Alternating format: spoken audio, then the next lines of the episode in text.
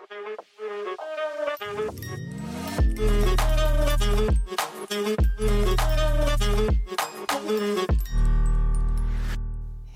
eh, och välkomna eh, till ett litet prat som vi ska ha nu eh, om dekolonialitet och parlamentarism. Här sitter vi från FI Malmö. Vi ska prata lite om vår motion Vida Digna, hur det kopplas och lite ja, fascistiska tider som vi nu befinner oss i. Jag heter Rebecka. Jag sitter eh, i styrelsen i FI Malmö. Eh, jag har med mig tre andra fina personer. Hej, Sara heter jag. Jag sitter också i styrelsen för Malmö. Ehm, ser fram emot att prata med, här med er om just parlamentarism och eh, uh, dekolonitet i en fascistisk tid. Um, och eh, så har vi... Vill du presentera? Jag kan fortsätta. Soledad heter jag eh, och jag är en av två ordförande i FI Malmö och ser också väldigt mycket fram emot att få prata om det här som vi eh, känner väldigt starkt för. Speciellt den här motionen som vi har skrivit eh, inför FI-kongressen som är den första till andra april. Ehm, ja. Och jag heter Alejandra och tycker det ska bli jättekul att prata med er. Vi brukar ju prata väldigt mycket och det blir alltid så intressanta samtal. Så det blir extra roligt idag att få dela med sig av detta. Och framför allt om det här temat, som ni sa, dekolonialitet och parlamentarism, som är så viktigt och centralt då det egentligen inte är, eh, går ihop helt enkelt. Vem vill börja prata om varför vi pratar om en fascistisk tid? Ja, precis. För att det jag tror eh, kanske att många förstår att det finns en, eh, en fascism som är på, upp, eh, ja, som är på uppgång. Men att eh, varför det är så och hur ser vi det idag? Hur är det liksom att, att vara i en fascistisk tid idag? Och vi tänker ju framförallt att vi har kommit från en valrörelse nu som har präglats av eh, SDs eh, Sverigedemokraternas premisser, av deras retorik. De har satt agendan. Eh, det var ju en valrörelse där alla partierna mer eller mindre helt eh, anammade deras retorik. Och, och det, det, här kan ju låta väldigt radikalt att säga, men när, när vi ser liksom att, eh, att samtalet rör sig i där, där nationalism och eh, där, där värderingar som vi inte eh, har liksom pratat öppet om tidigare nu plötsligt normaliseras, då har ju de satt agendan. Eh, och sen så har ju det här då sen fortsatt, liksom har följt samma mönster och samma tråd i att eh, utmynna i det som är Tidöavtalet. Och, och, vi brukar ju prata inom Fiat att det här är en fascistisk manual. Eh, vi har läst den och vi förstår och vi har sett det här förut. Vi känner igen det här. Eh, jag tänker också att det kan vara bra att ha med sig att vi håller ju inte SD ensam ansvariga för det här. Verkligen inte. Utan faktiskt dagen efter valet var det va? Så var det en demonstration på Möllan. Där det var vi och övriga partier på den rödgröna sidan som fick hålla tal. Och vi var ju det enda partiet som faktiskt pratade om att vi är inte förvånade. Mm. Fascismen tog inte över bara sådär. SD blev inte stora över en natt. Och rasismen och nationalismen har inte heller växt över en natt. Utan detta är något som har pågått under väldigt lång tid. Och som oavsett vilken regering, även om den har varit rödgrön eller blå, ändå har liksom banat väg för och tillåtit att det ska eskalera och bli större.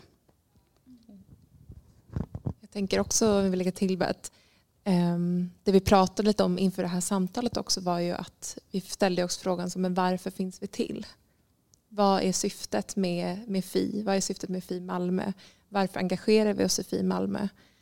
Um, det syftet är inte att, att uh, vi är inte lösningen som vi sa. Eh, genom att det inte är att vara i maktens rum som lösningen, inte om det är på de premisserna. Då, det är då vi måste stå stadigt i, i det vi tror på som är antinationalism. Det är, det är, det är en dekolonial feminism. Det är, en, det är inte att följa med i de nationalistiska narrativen, retoriken, rasismen. Om vi gör det, då är vi inte, vi, gör, vi kommer inte göra det bara för att få röster. Eh, det är inte så vi... Ehm, ja. Eh. Eh, ska vi prata lite om så specifika förslag? Eh, lite eh, i tidavtalet kanske. Eh, som verkligen visar på detta. Um, det finns ju...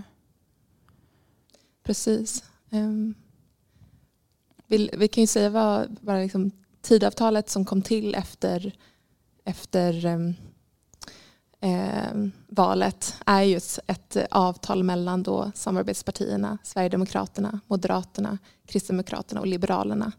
Eh, så Sverigedemokraterna står i, det är deras politik som vi egentligen här avtalet är, handlar om, eh, som de andra partierna också skriver under på.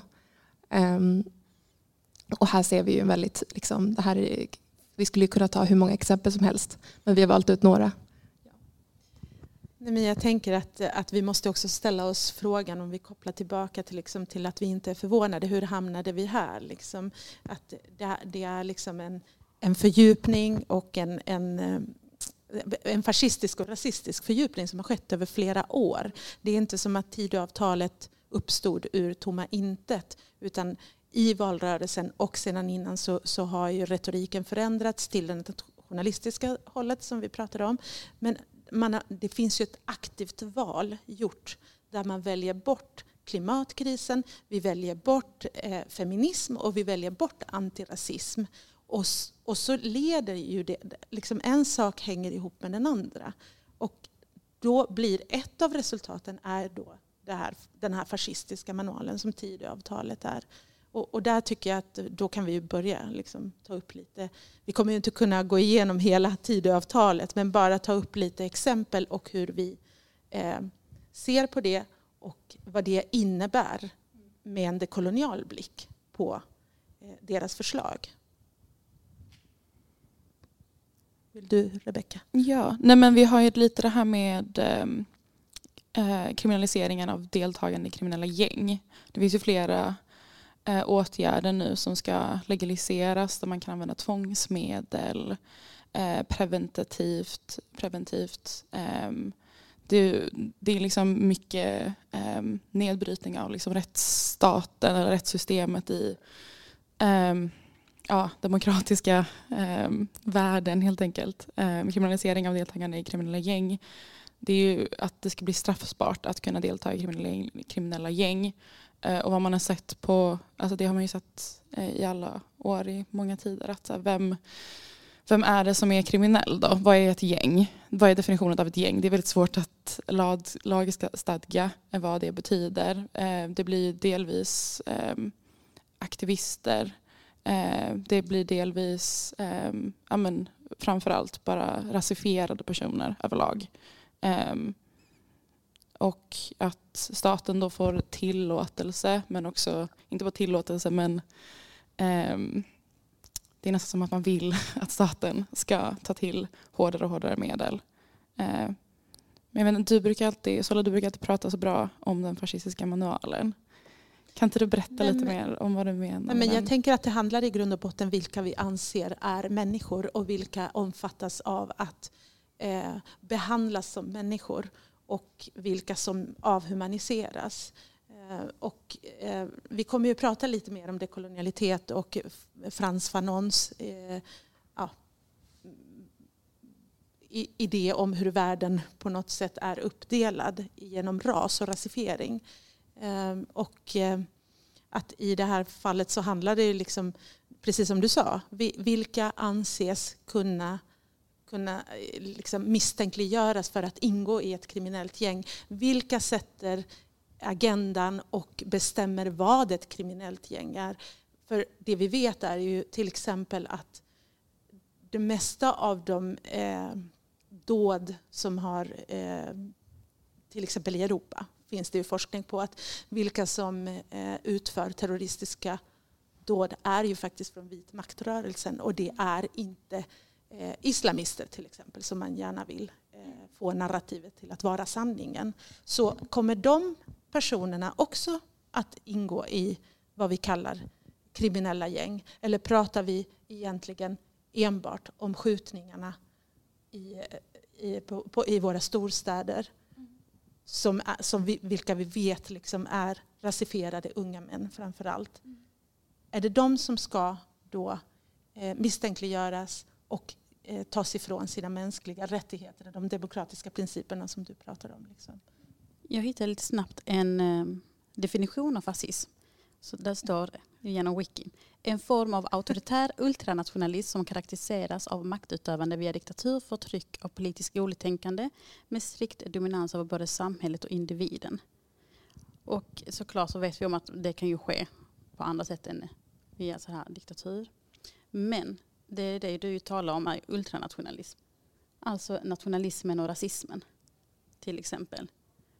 Och dominans och kontroll, ja, genom att till exempel visitationszoner, mm. genom till exempel att ta bort oskyldighetspresumtionen för vissa grupper. Exakt. För det var väl också ett lagförslag att vi skulle, att vissa, befinner man sig i de här visitationszoner eller för man var så kallat, eh, hade någon koppling mm. till gängkriminalitet och då är det inte ens personen i sig utan dess familj och nära också. Så måste du kunna bevisa att du äger dina saker. Att det inte det är stöldgods. Och det är ju sådana saker som är så himla tydligt fascistiska. De lägger också ner ett miljödepartement. Det är helt plötsligt är inte det viktigt. Nej. Och det är där man ser hur det går lite i taget. Och jag, jag kommer ihåg Soledad, vi pratade om detta. Vi, eller nej, det var nog kanske alla vi fyra pratade om detta typ någon vecka efter valet bara. Och du sa, men vänta lite tids nog kommer detta komma till universitetet också. Ja, ja.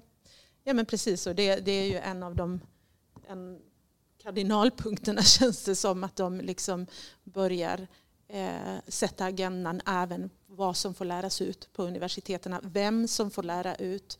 Och det vet vi ju nu när de pratar om att man ska se över, när jag säger de pratar jag ju liksom om samarbetspartierna och inte enbart SD. Jag vill också vara tydlig med det, även om det är de som deras SDs, eh, mer eller mindre deras eh, partiprogram. Men, ehm, nej men att man ska se över den så kallade cancelkulturen på universiteten. Det är ju väldigt intressant eftersom man alltid hänvisar till universitetens, vad heter det, ehm, Fria forskningen. Den fria forskningen, objektiviteten, neutraliteten. Och då, då är det ju, vad, vad, är det man ska rensa ut då om man ska ta bort eh, de som cancelar inom universiteten? Då, då, är det ju att de som ifrågasätter vissa saker, det är de som då inte ska ingå i den fria, fria tänkandet och fri, att det får finnas liksom olika perspektiv. Nej, men det kan vi verkligen se hur det har talats om liksom vad som definieras som cancelkultur.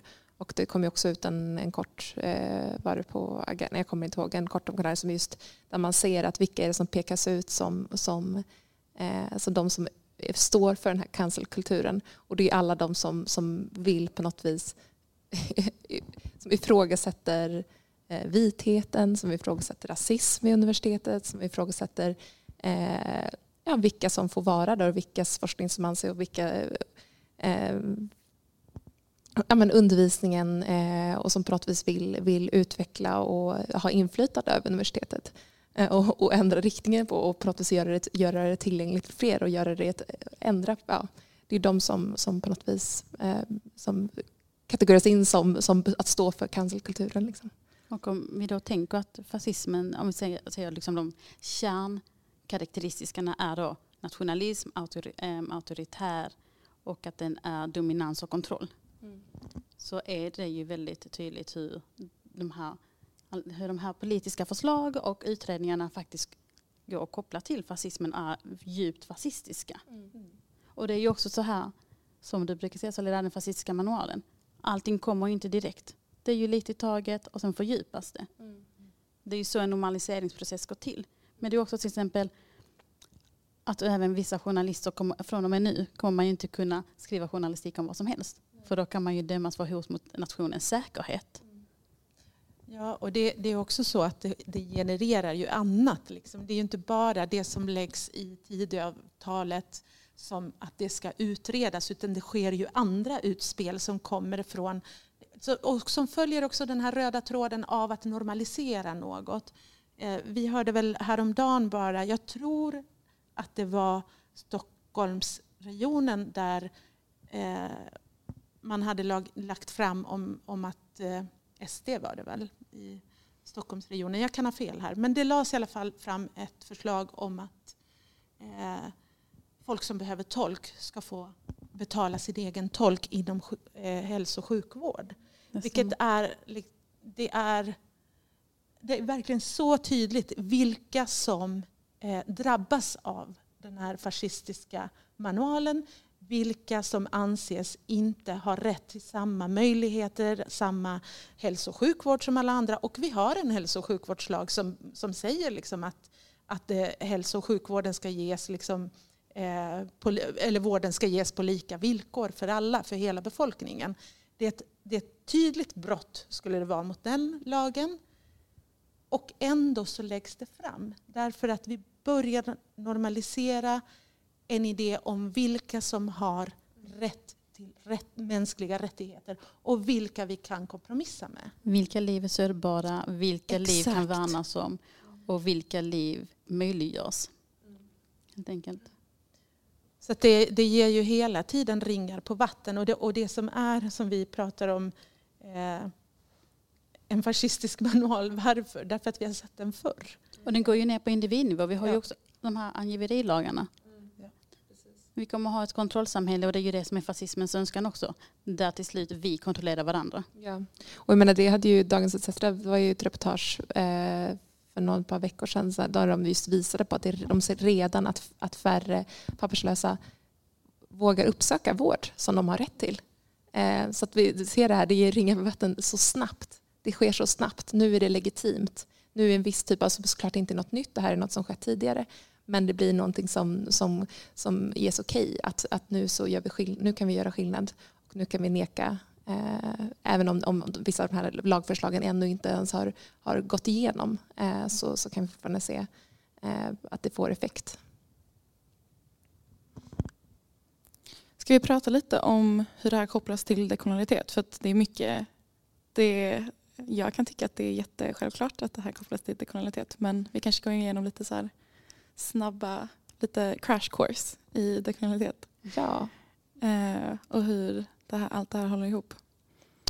Um, typ, vi, alltså vi började ju prata lite grann om så här, uh, ifrågasätta. Att, att ifrågasättning i, alltså i sig blir ett um, blir kriminaliserat uh, genom den fascistiska manualen. Och att grejen med dekolonialitet är ju att ifrågasätta allt. Eh, eller en del en central del. Det finns många delar. Eh, vill ni fortsätta lite? Nej, men jag tänker att du sa det rätt. Det handlar om att ifrågasätta allt. Sen behöver man ju inte avfärda allt som du också brukar säga. Eh, men vi brukar ju dela upp dekolonialitetsprocessen att det går att göra på flera sätt. Och det handlar om att hela tiden hålla de här olika levande och de går ju ihop. Och det är ju ett omgörande vi kan inte bara reformera bort det här systemet, vi behöver bygga nytt. Det är pluriversalismen, det kan inte bara finnas ett sätt att vara, tänka och göra saker på. Det finns flera olika sätt. Ehm, och vi har ett praktiserande. Vi kan inte bara prata, vi behöver praktisera våra ord, vi behöver praktisera vår ideologi, våra värderingar, våra principer. Och allt detta görs i kollektivitet. Vi kan inte göra detta ensamma. Så det är ju, ja, en liten snabb genomgång om dekoloniseringsprocessen. Vi kan ju säga här eh, att, precis som du sa, väldigt snabbt, men FI Malmö har ju en dekolonial studiecirkel som pågår just nu. Eh, andra eh, tillfället är på onsdag den 1 mars. Så för den som vill veta mer så, eh, om dekolonialitet så eh, är man jättevälkommen. Eh, gå in på vår hemsida, på, på vår hemsida eller på Facebook eller Instagram, våra sociala medier. Så hit, kommer man att hitta information om, om det. Och man behöver inte vara med på alla gångerna för att få delta. Och, eh, vi gör den också på ABF eh, på onsdagar, varannan onsdag. Ja, och då tänker jag också att det är kolonialitet, antifascism. Varför är det så viktigt och vad är det dekolonialiteten gör? Och vi tar ju upp detta främst av två anledningar. Både för att vi ser att ur ett, kolonialitet, ur ett kolonialt perspektiv så är det viktigt för vänstern. Och dels så är det viktigt för hur vi förstår parlamentarismen. Så jag tänker, ska vi ta vänstern först så går vi in på parlamentarismen sen för att avsluta med motionen. Vad händer då när man inte har det, det koloniala perspektivet inom vänstern? För när vi pratar om vänstern så pratar vi om den breda vänstern. Det kan vara parlamentaristiska vänstern, det kan vara det inklusive rörelserna, det är människorna, det är allt. Det är hela den vänster, den, alltså, ja, vänsterrörelsen. Eller vänsterrörelserna. Och utan det här det koloniala perspektivet, eller vill någon annan hoppa in? Jag vill ställa en fråga, jag vill ställa en fråga till dig. jag tänkte, hur tänker du på, liksom just här, för jag tänker du pratade om pluralism.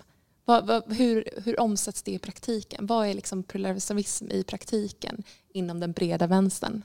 Hur tänker ni kring det? Vet du vad jag tycker är himla roligt? Det är så, så himla tydligt, så en himla tydlig skillnad mellan den svenska vänstern mm. och den latinamerikanska vänstern. Jag kan den sydamerikanska, den latinamerikanska kontexten bättre. Det är där jag har liksom, det är där jag kommer från. Mm. Så det är väl därför jag gör den jämförelsen. Men där, jag tror inte det finns ett enda land som bara har en, ett vänsterparti. Utan det är flera vänsterpartier. Mm. Koalitioner. Precis, och de gör oftast koalitioner, de gör allianser de samarbetar parlamentaristiskt. Till skillnad från här där man i, i principen har då Vänsterpartiet, alltså vi har bara ett vänsterparti. Mm. Sen har vi ett socialdemokratiskt parti. Mm. Och sen har vi ett miljöparti som gärna vill vara lite mer i centrum, i mitten. Mm. Och det visar verkligen på att vi har ett universalistiskt tänkande på hur, vad är vänstern här? Mm. Finns det plats med fler vänsterpartier? Mm. Behövs det bara ett? För det, så går ju också narrativet att det behövs inte fler. Vi har ett. Mm. Men just det här, vi har en, inom dekolonialitet så ser vi att det finns flera sätt att göra saker på. Mm. Ja. Och det finns flera sätt att vara. Och då behöver vi också fler vänsterpartier. Mm. Till exempel så säger vi hur vi som parti, alltså FI ur vårt koloniala perspektiv, inte skulle kunna ställa oss bakom eh, vapen som skickas till Ukraina eller att ens ta ställning för att det måste vara att man måste ta ställning mellan Putin och NATO. Mm. Vi ser att vi måste ha med oss historien där. Det är inte första gången vi ser det här. Vi har haft en Kubakris, men kopplingen görs inte till vad vi har idag. Kineserna pratar om ett Ukraina-krisen. För att de gör kopplingen. Och det är det här som, som en bred vänsterrörelse så måste vi ha med det koloniala perspektivet. För som Ramon Gråsvåger brukar säga också, det anti, antiimperialistiska perspektivet glöms bort. Ja, men nu ser man bara Ryssland som ett imperium. Mm. USA är också ett imperium. Och USA för ett proxykrig mot Ryssland som råkar utspela sig på ukrainsk mark till exempel.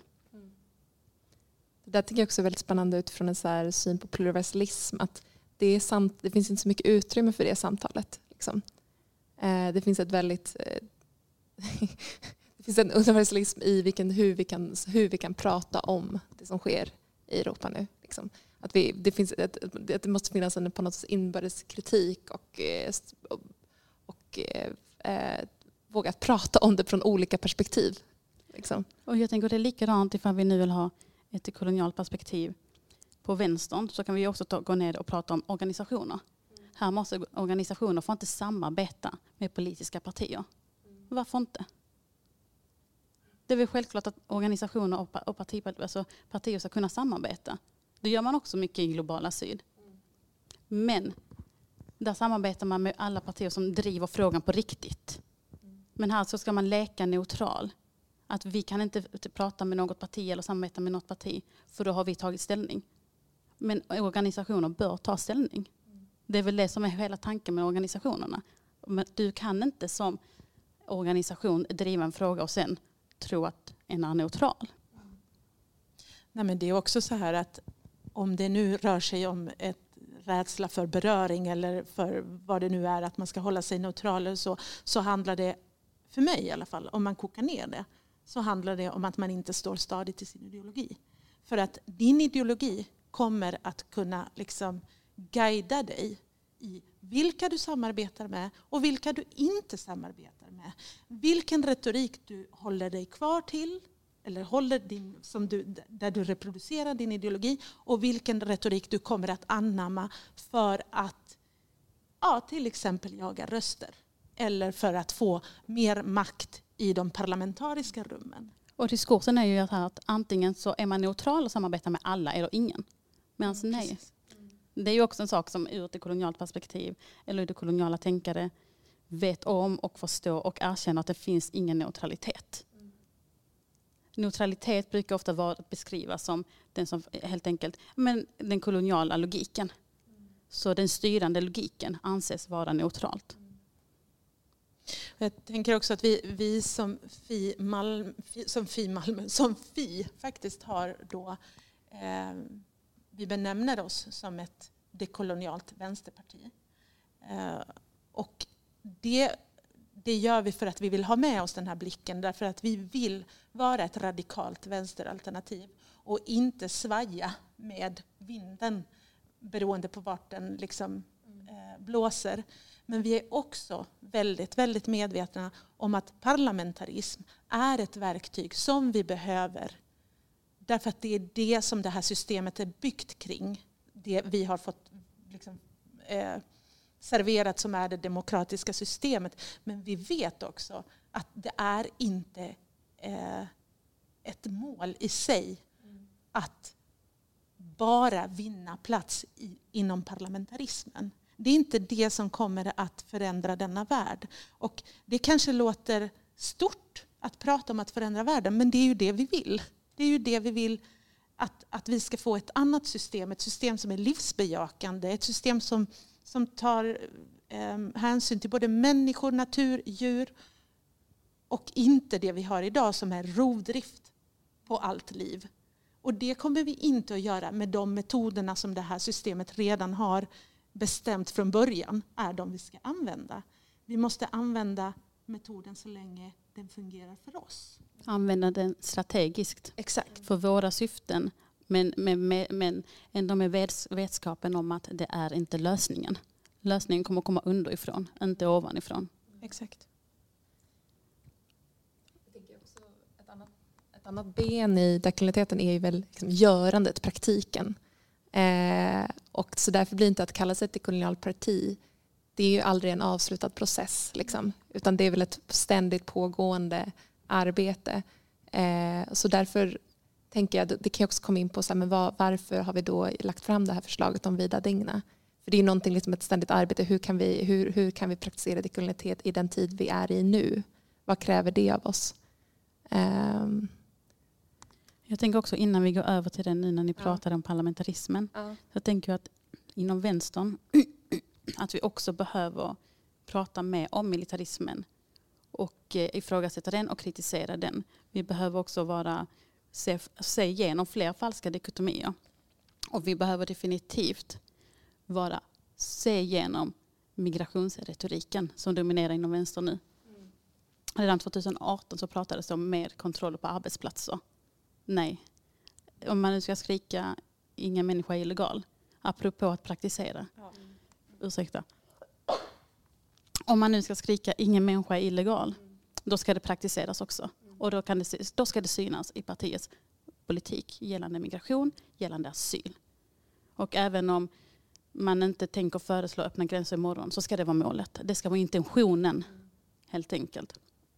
Och likadant med polissystemet, att inte stärka den. Det är inte så vi kommer nå en trygghet, att stärka att stärka polisen. Och jämställdhet kommer inte heller genom att få in ett binärt könssystem 50-50% in i militären heller. Det, vänstern behöver helt enkelt dekolonisera sig i stort. Vi behöver bli mer radikala, dekolonisera oss tillsammans för att faktiskt kunna bli, erbjuda en annan lösning. Och inte helt enkelt vara det partiet som följer alla andra och nationaliseras och koloniseras som en process lite i taget. Men det är så många saker som alltså så här, egentligen är rätt så radikala. Eh, alltså om man tänker på alltså ehm, i, i, alltså inom vänstern. Att man bara går runt till exempel och säger no borders, no nations, ingen människa är illegal. Du vet så. Man kan skrika det men det är egentligen väldigt, man ser inte jättemycket um, policies som egentligen um, tillåter som egentligen visar på att ja, men vi, ingen människa, det finns inga borders. Eller vi är, vi letar, eller att vi ens typ vågar drömma om en värld där vi inte har gränser. Där människor inte är illegala. Alltså det visar inte, det omgörs inte till i praktiken. Det görs inte. Um, och sen också att inte göra skillnad på människor som faktiskt flyr.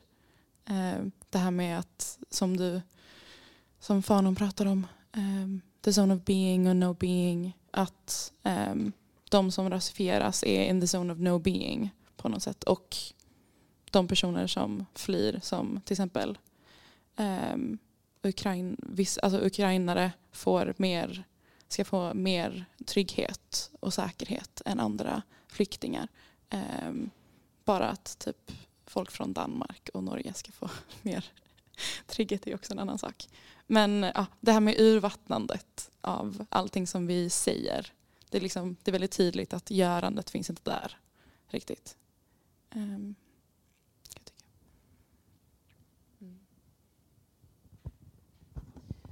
Ja, och som då om vi går över till den här motionen då, motionen om Vida Vigna.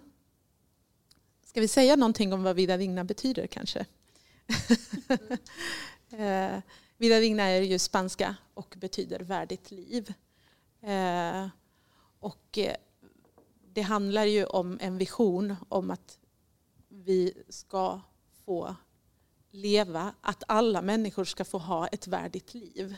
Eh, det är inte ett liv som ska bygga på mer eh, på tillväxt utan på ett, eh, ett liv som är värdigt där de mänskliga rättigheterna garanteras alla. Eh, och för det behöver vi inte mer tillväxt eller mer modernitet eh, utan vad är det vi behöver komma tillbaka till. Så att vi tyckte att det var ett passande namn för det här förslaget. Eh, och det här förslaget är ju någonting som vi som FI Malmö för till för ett omgörande av partiet i stort, alltså nationella partiet. Uh, så det är liksom ett förslag på omorganisering och om, ja, om allting. och vi kan ju säga att vi i FI Malmö har redan omorganiserat oss på ett mer dekolonialt sätt. Eh, vi ska inte gå in på det. Men det här är det förslaget som vi ställer då till partiet. Att göra ett dekolonialt omgörande. Och kongressen är den i april, första helgen i april. Om ja. man nu vill ha koll på ifall det här kommer gå igenom eller inte. Men jag tänkte också att som vi har sagt så är ju inte parlamentarismen lösningen enligt oss. Ehm, men det är ändå en viktig maktposition för att den går att använda strategiskt. Och det är systemet som råder idag, även om vi vill ha ett annat system. Vilket innebär att antingen så kommer den här platsen upptas av ett feministiskt, vänsteralternativ, antirasistiskt eller vad, med, så här, vad man nu vill kalla det. Eller så kommer någon annan att uppta det. Och därför går det inte att förkasta helt. För det kommer inte bli ett tomrum. Det kommer att upptas av något och, och av någon form av, politi av politisk parti. Och därför är det viktigt att vilka som ändå har det här utrymmet för att kunna möjliggöra, för att kunna underlätta lösningen. Antingen kan vi ha en hård arbetslinje där människor inte ett traumatiserande samhälle där folk inte har energin, har inte orken, kanske inte vågar organisera sig och därmed så kommer lösningen ta längre tid. Eller så kan vi ge människor ett värdigt liv genom politiska förändringar. Sex timmars arbetsdag, få bort eh, fattigdom. Eh, Kan vi ju säga att vi är det, det enda partiet, måste jag bara inflikna, som, som, som driver sex timmars arbetsdag. Eh, ja, och som inte får en arbetslinje. exakt. Faktiskt också. Ja. Och liksom med ja, rädda mycket bättre miljöpolitik som faktiskt möjliggör förbättra till exempel den, den psykiska ohälsan, förbättra tiden som möjliggör för att organisera sig så att det är möjligt med lösning. Och det är därför det ändå blir viktigt för oss att ändå göra, att ändå vara i det parlamentaristiska rummet och sfären. Men vi kan ju säga att vi, det, vi också känner en mer närhet utifrån den ideologin och utifrån vårt praktiserande med de utomparlamentariska rörelserna, den utomparlamentariska vänstern. Eh, Men lite som eh, att syften, alltså syftet blir ju i slutet helt enkelt att kunna få bort sig själv. Mm. Vi vill inte komma till makten för att sitta där i all evighets evighet. Förhoppningsvis så det bästa hade varit om vi inte ens hade behövt komma till makten men vi ser att vi skulle komma där. Då är ju målet faktiskt att kunna avveckla oss själva. För parlamentarismen är inte lösningen. Och det ser vi till exempel i Peru. Parlamentaristiska kupper. Nej, men jag tycker det är ett spännande, alltid när vi kommer in på att prata om det här så, så har vi alla någon som, liksom, vi befinner oss på något vis i båda, det finns en, liksom, mot, eh, inte motsättning, men det finns en, liksom en, en eh, tudelad känsla inför liksom, parlamentarismen. Att känna men vad, vad är vi, varför, varför strävar vi efter det? Liksom? Eh, för att det egentligen inte eh, men det blir också, men då innebär det också, men hur vill vi göra det? Och jag tänker det är väl det, det här Vida Digna kom in i också, men då har vi kanske möjlighet också så här, det finns kanske fler sätt att göra den typen av politik på. Och hur kan vi utmana det sättet som görs nu? Det är väldigt snäva förståelsen av vad det innebär att sitta eh, i riksdagen eller sitta som eh, oppositionsparti eller vad det är. Vad, vad, vad, vad finns det för utrymme och hur kan vi tänka annorlunda där? Och det är väl det som är det koloniala också. Att hur kan vi tänka utanför boxen och tänka att det finns finnas ett annat sätt? Och hur gör andra? Hur, gör, har jag liksom, hur, gör, hur organiserar vi oss? Hur kan vi ta in andra former av organisering in i de rummen? Um, precis. för vad är en politiker? Eh, och, vad, vad, vad, och vilka verktyg kan också en politiker, vad finns det för andra verktyg om vi nu inte, om vi ska följa, ehm, eh, gud nu tog det helt, eh, fyll i mig där. eh, ja, for the masters tools will never... Exakt, och det är Audre Lords eh, bevingade ord. Att vi behöver ju verkligen vara medvetna, det vi har sagt nu hela tiden, att eh, det här är ett, ett verktyg som det här systemet som vi vill eh, nedmontera helt ger oss. Därför kommer vi inte med det verktyget att lyckas. Men vi behöver ha det under en period. Men jag tänker att det du säger är hur ska vi kunna eh, trots att vi är i det här med det här verktyget, hur kan vi göra det så, min, ja, men så dekolonialt som möjligt? Liksom? Hur kan vi bredda trots att, att eh, ramarna är så snäva? Förstår jag det så? Vi vill ju inte reformera det här systemet, vi vill ju nedmontera det helt och hållet. Eh, och då kommer vi behöva ha andra verktyg, men just nu kan vi inte ha dem. Men hur kan vi använda det verktyg vi har kanske på fler sätt, tänker jag. Och det är väl det som är eh, innebörden i den här motionen. Jag bara tänkte tillägga där att jag tänker, det är lite intressant också att det, det kanske inte är dekolonialt att sitta i, men man kanske kan luta sig mot dekolonial kunskap. Man kanske kan ha med sig det och göra annorlunda, även om det i sig inte är eh, en del av ett dekolonialt omgörande. Eller är det det? Det är svårt. att- Det är ja. Men också eftersom att vi som parti är liksom uttalade att vi har dekolonialitet som eh, någon typ av grund så är det också viktigt att vi faktiskt gör den här, eh, att vi försöker omorganisera och göra om. Eh, så att vi inte, så att vi inte whitewashar begreppet. Så att det, ja, ehm, så att det inte passar de, den här tama hegemon, hegemonin och inte blir som mycket annat radikalt.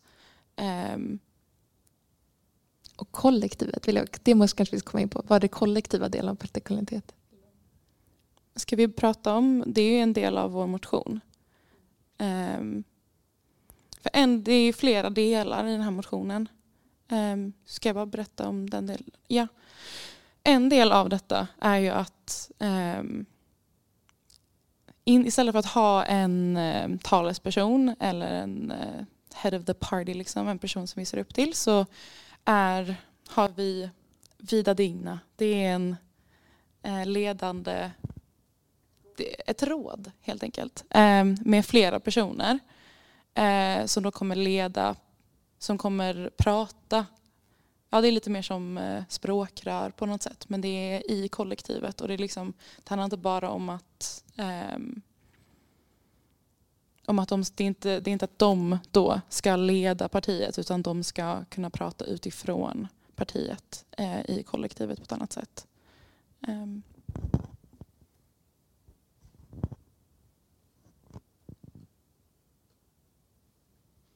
Ja, men vad betyder leda genom att lyda? För det är också en del i, i vår motion.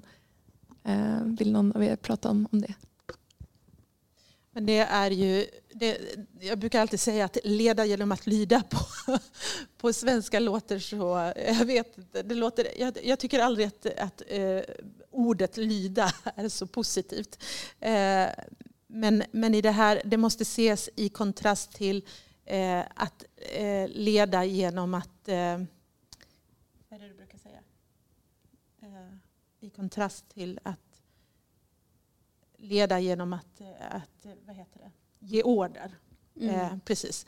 Eh, om, man säger, om man säger det på spanska så är det mandar obedeciendo. Lite att leda genom att underkasta sig. För det, det, eller, men det blir också lite fel. Men, jo, men det handlar om att underkasta sig Underkasta sig kollektivet. Ja, ja precis. Ja, precis. du ska strunta i din egen... Alltså, Ja, din egen, ditt, ditt ego. Utan vi har bestämt någonting tillsammans och då ska vi, det är det som ska göras.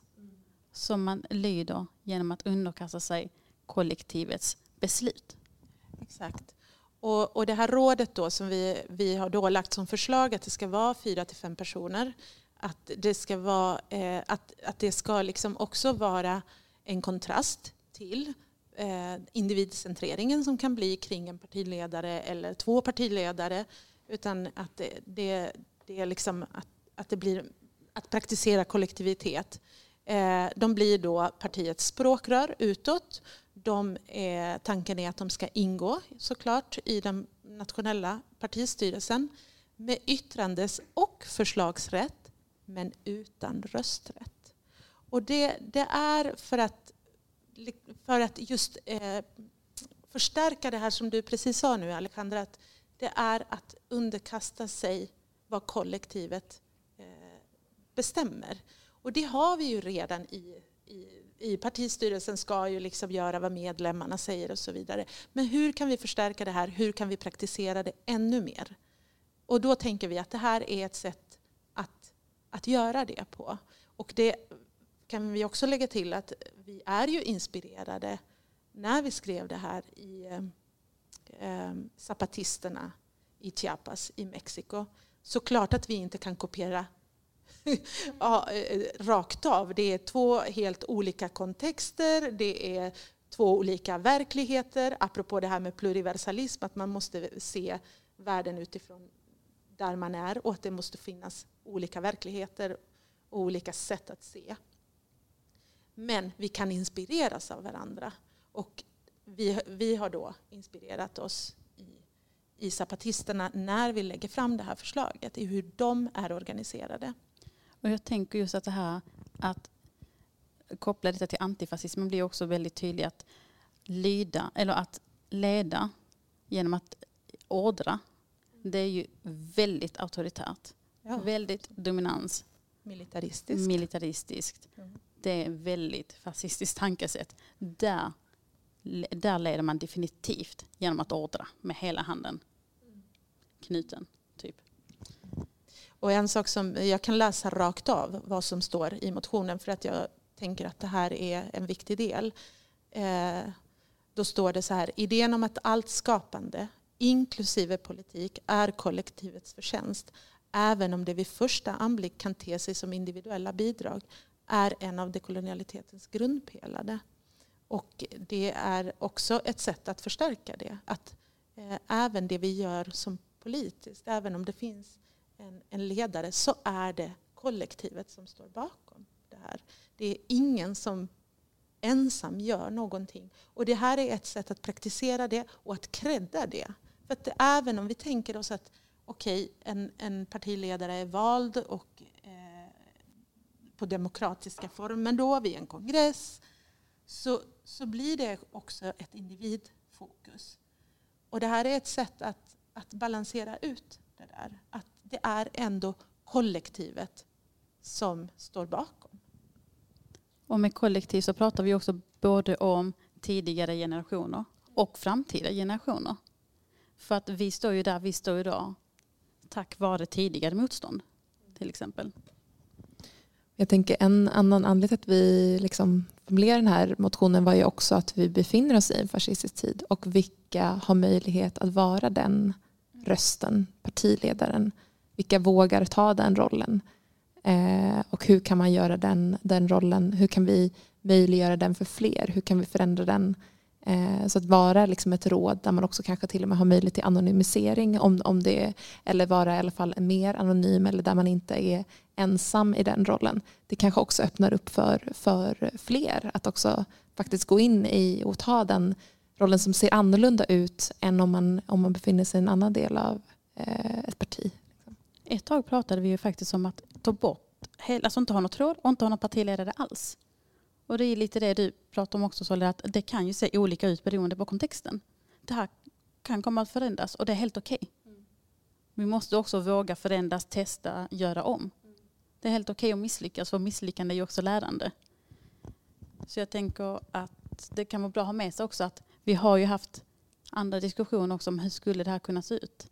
Just för att som du säger, tar man bort hela partiledarskapet och tar bort rådet också så skulle det kunna delas på ännu fler personer och möjliggöra ännu fler att ta den här rollen. Och inte, också inte tro att en enda person eller två eller tre ska kunna ha kunskap om allt.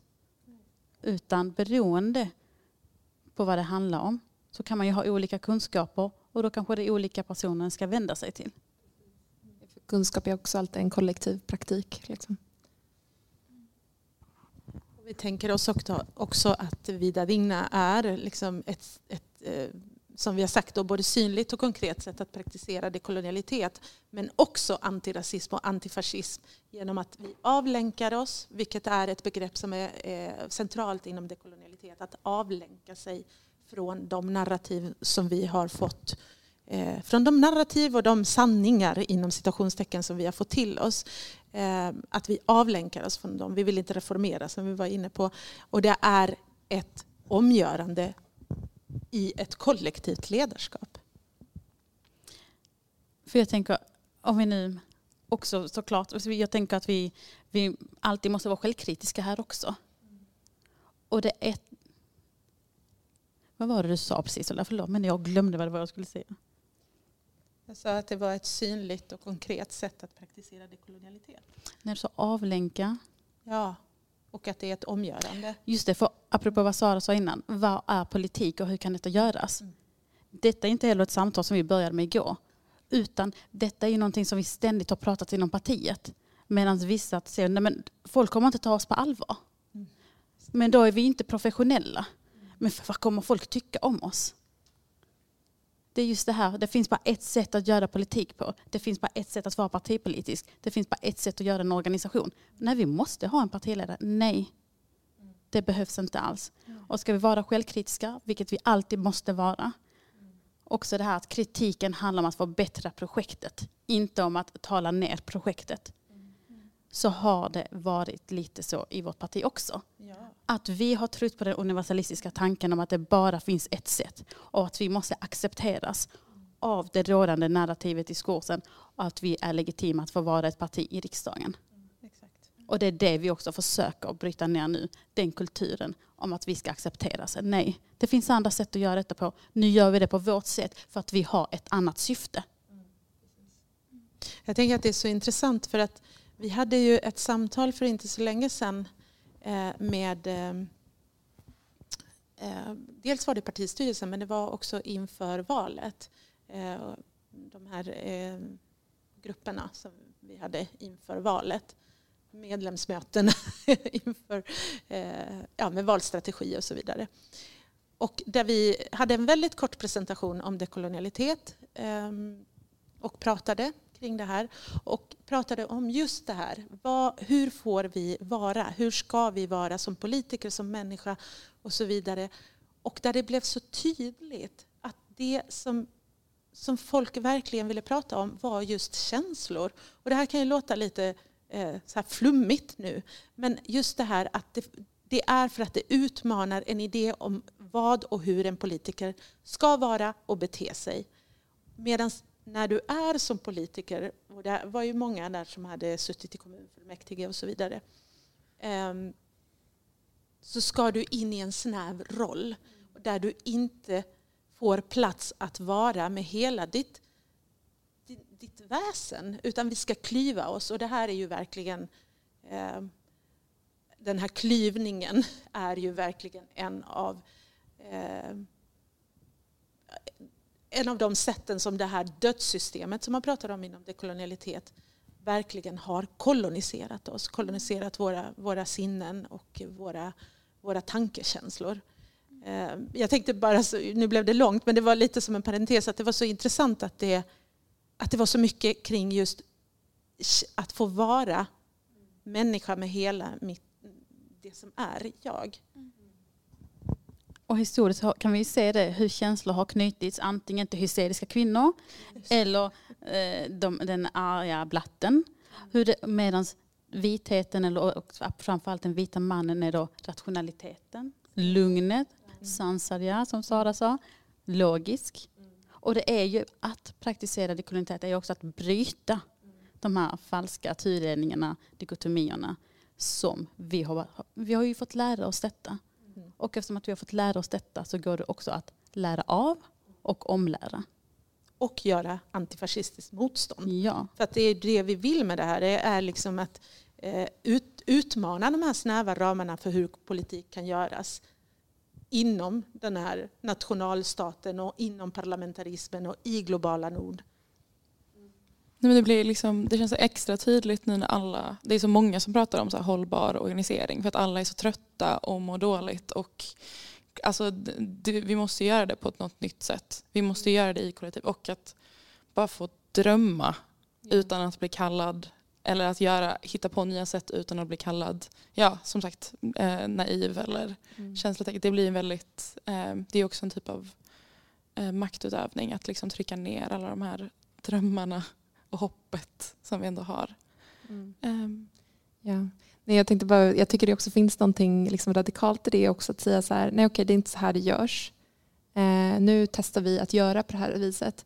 Och det kommer kanske inte tas emot med, det kommer anses vara eh, bortom, eh, liksom, tänja på gränserna, anses konstigt, eh, för känslosamt, vad det nu är. Eh, men om det inte, nej men då har vi gjort det och om inte det gör att vi kommer in i de rummen, nej men det är inte därför vi, då spelar inte det någon roll för det, det, det är inte där, det är inte det som är vårt primära syfte. Eh, utan det är kanske snarare att ställa de frågorna, att, att göra den praktiken och, och, eh, och så fortsätter vi politiken på andra platser på andra sätt för det kommer vi göra hela tiden. Mellan valen hela tiden, varje dag. Mm nu börjar vi, eh, nu har vi pratat en stund. Jag tänker att vi kanske kan, det börjar bli dags att wrap up lite vårt samtal. Men det finns så mycket vi kan prata om. Så det är därför ni ska, ni får jättegärna komma på våra studiecirklar. Eller engageras, ja. engagera er eh, med oss. För det, är, det här kan vi verkligen prata om i all tid och otid. Eh, men finns det något, har vi några så sista, så här, hur ska vi knyta ihop den här fina en sista känslotanke? Ja, en alla. sista känslotanke.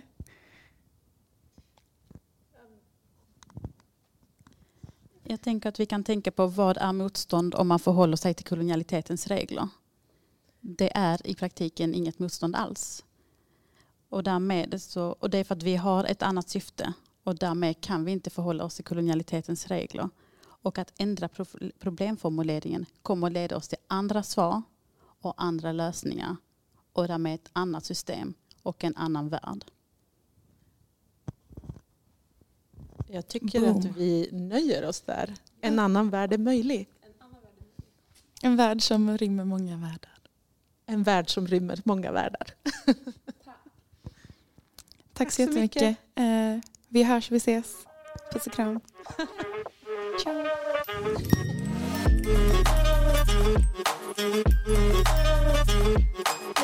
Du har lyssnat på podden Rörelse. En podcast av ABF Malmö.